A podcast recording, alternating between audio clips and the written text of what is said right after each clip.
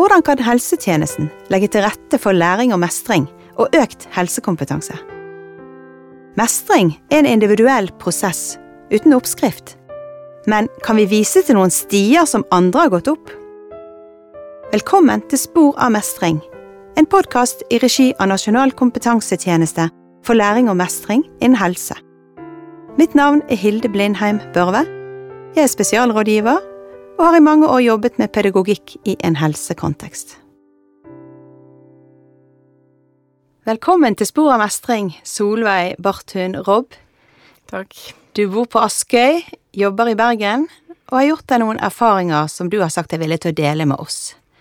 Men først, hvem er personen Solveig, hvis du skal beskrive deg selv litt? Ja, jeg er 51 år, bor på Askøy, og er mor til to voksne barn, så jeg er òg blitt farmor.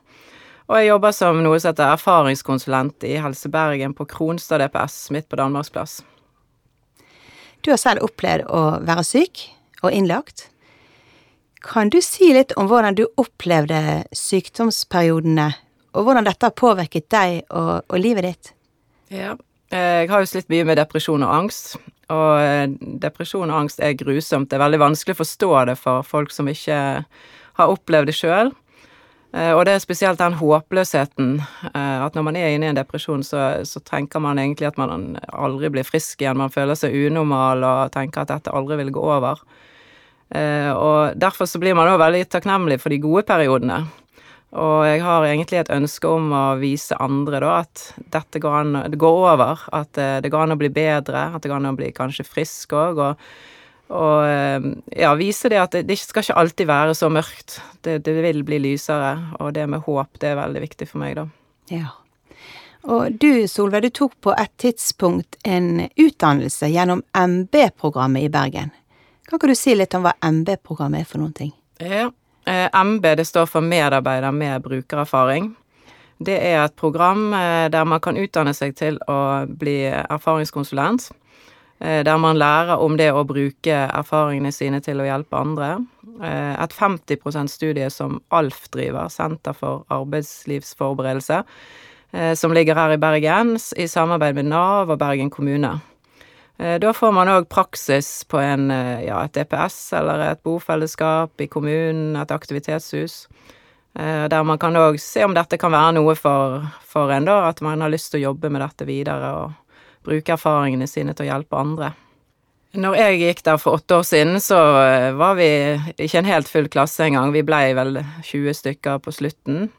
Eh, det er bare 20 plasser, og nå er det kanskje Noen år har det vært over 100 søkere. Oi, så. så det er jo det eneste. Altså, man trenger ikke noen gode karakterer her, for det er for folk som enten har hull i CV-en, eller av en eller annen grunn har kanskje gått ut av arbeidslivet først og fremst, da, men òg folk som gjerne har vært i en annen jobb og ønsker å omskoleres og men Så det er ikke karakterene som gjerne gjør at det er vanskelig å komme inn, men at det er så veldig mange som søker til så få plasser, da.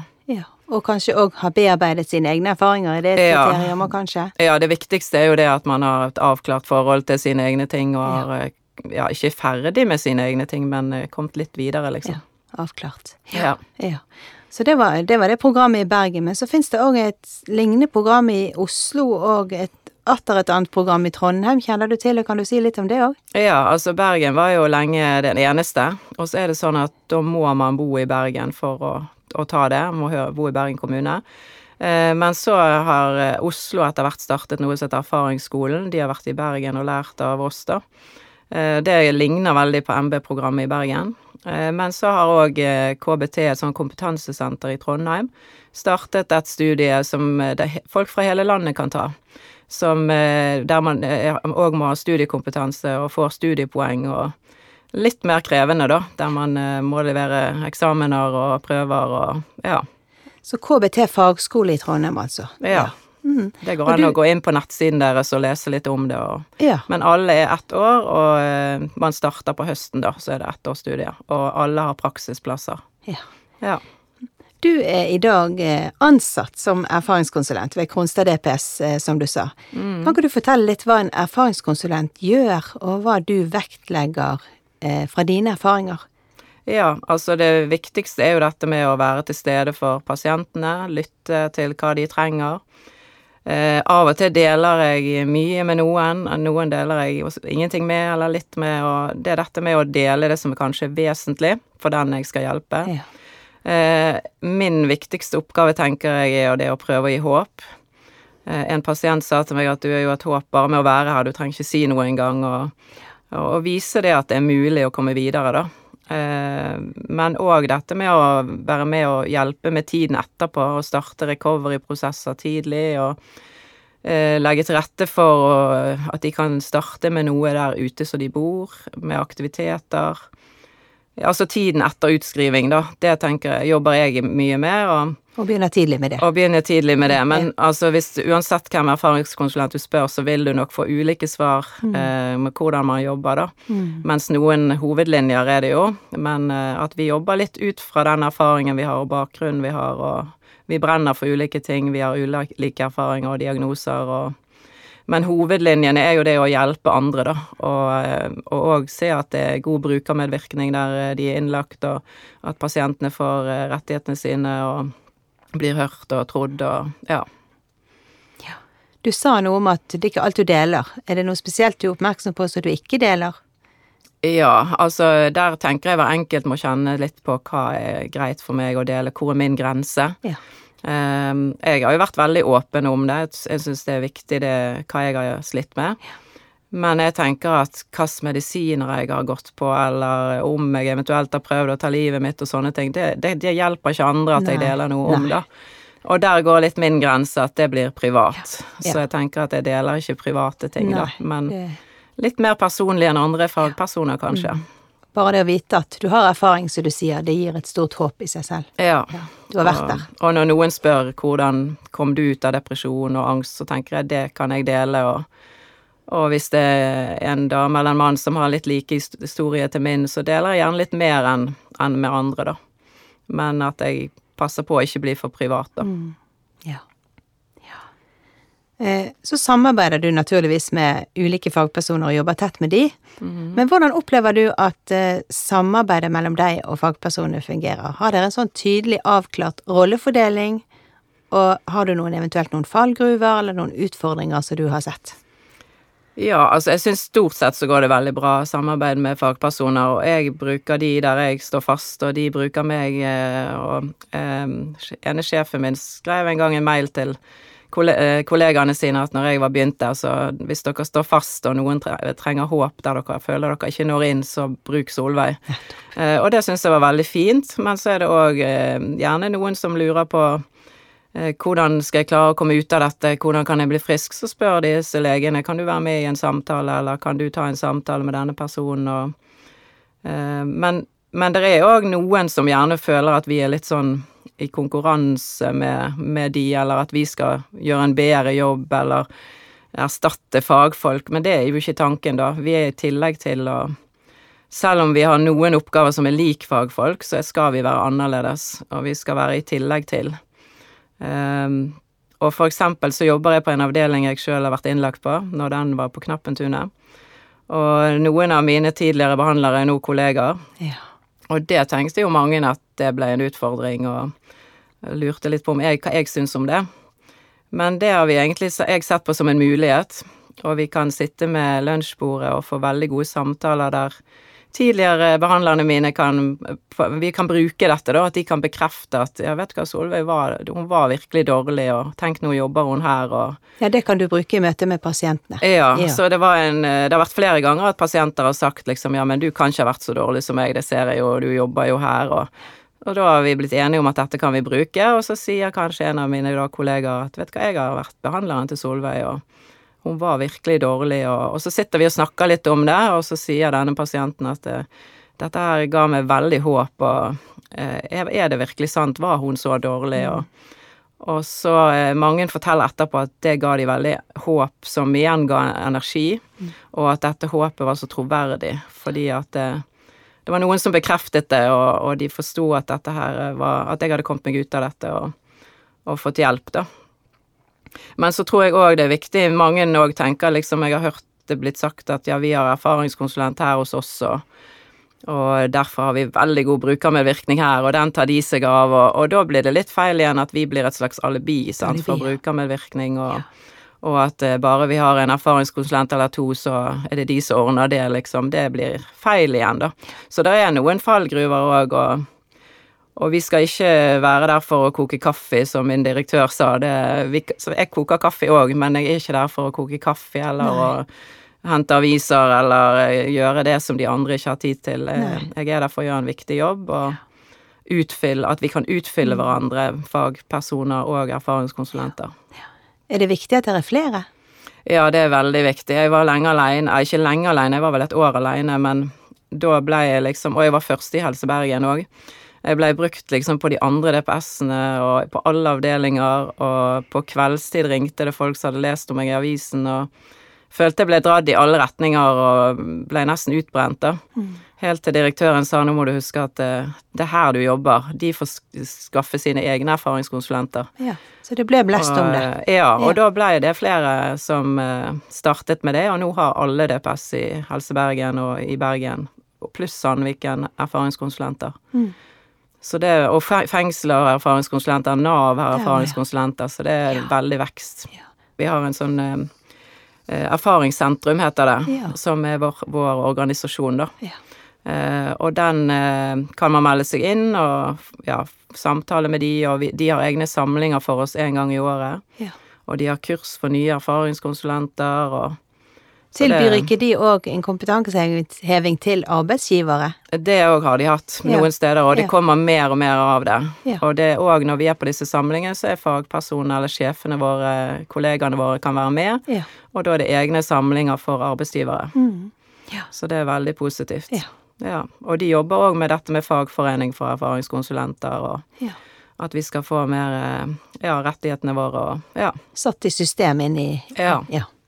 Det er et prosjekt dere har som heter Utskrevet til. Eh, og det er et prosjekt som du er stolt av, har jeg forstått.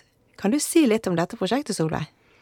Ja, det går jo på litt dette her med, som jeg nevnte, om at eh, når folk skrives ut, så har de mange ganger ikke noe å skrives ut til, og det å starte disse recovery-prosessene mens man er innlagt. Så vi prøver liksom å ha et samarbeid med annet Fontenehuset i Bergen, som er et aktivitetshus innenfor for eh, folk som sliter med sin psykiske helse og depresjon og angst og sånn, der de kan komme og være og jobbe og ha en meningsfull eh, eh, hverdag. Og der følger jeg annenhver uke de som ønsker det fra DPS, mens de gjerne er innlagt eller i dagbehandling. Så de får bli kjent med dette stedet, og kanskje faktisk begynne å gå der mens de er innlagt. Eh, Så utvidet vi dette òg litt til eh, et samarbeid med Psykiatrialliansen, som er et idrettslag innenfor psykisk helse. De har et eh, kontor hos oss på Kronstad DPS, og de har over 20 treningstimer i uken. Og de følger meg litt på avdelingen en gang i uken, og vi informerer, og deler ut timeplaner, og, og personer som er innlagt hos oss, kan trene med de mens de er på Kronstad, og fortsette med dette etterpå. Og Psykiatrialliansen er jo for hele Bergen, det er ikke Helse Bergen sitt, da. Det er en uh, uavhengig organisasjon. Uh, og så uh, har vi en erfaringskafé òg inne på DPS-et, som er åpen for alle hver tirsdag, i samarbeid med Psykiatrialliansen, og oss erfaring, tre erfaringskonsulenter på Kronstad DPS. Og det er dette her med å bli skrevet ut til disse tingene, og at de kan bli kjent med dette allerede mens de er hos oss, og at det er innpå DPS-et, det syns vi er veldig positivt. Og at de blir kjent med dette og kommer i gang eh, tidlig med disse aktivitetene, det, det brenner jeg veldig for. Men du Solveig, for uten å ha en stilling som erfaringskonsulent, så vet jeg at du òg er engasjert i brukermedvirkning på andre felt og på andre nivå. Ja, Kan du si litt om hva du faktisk er involvert i? Ja, eh, for syv år siden så var jeg òg med å starte Erfaringspanelet for psykisk helse og rus i Helse Bergen, og har vært med der som nestleder i mange år. Eh, Og så er jeg òg nå med i eh, Helsedirektoratet i en prosjektgruppe og lager nasjonale faglige råd for brukermedvirkning.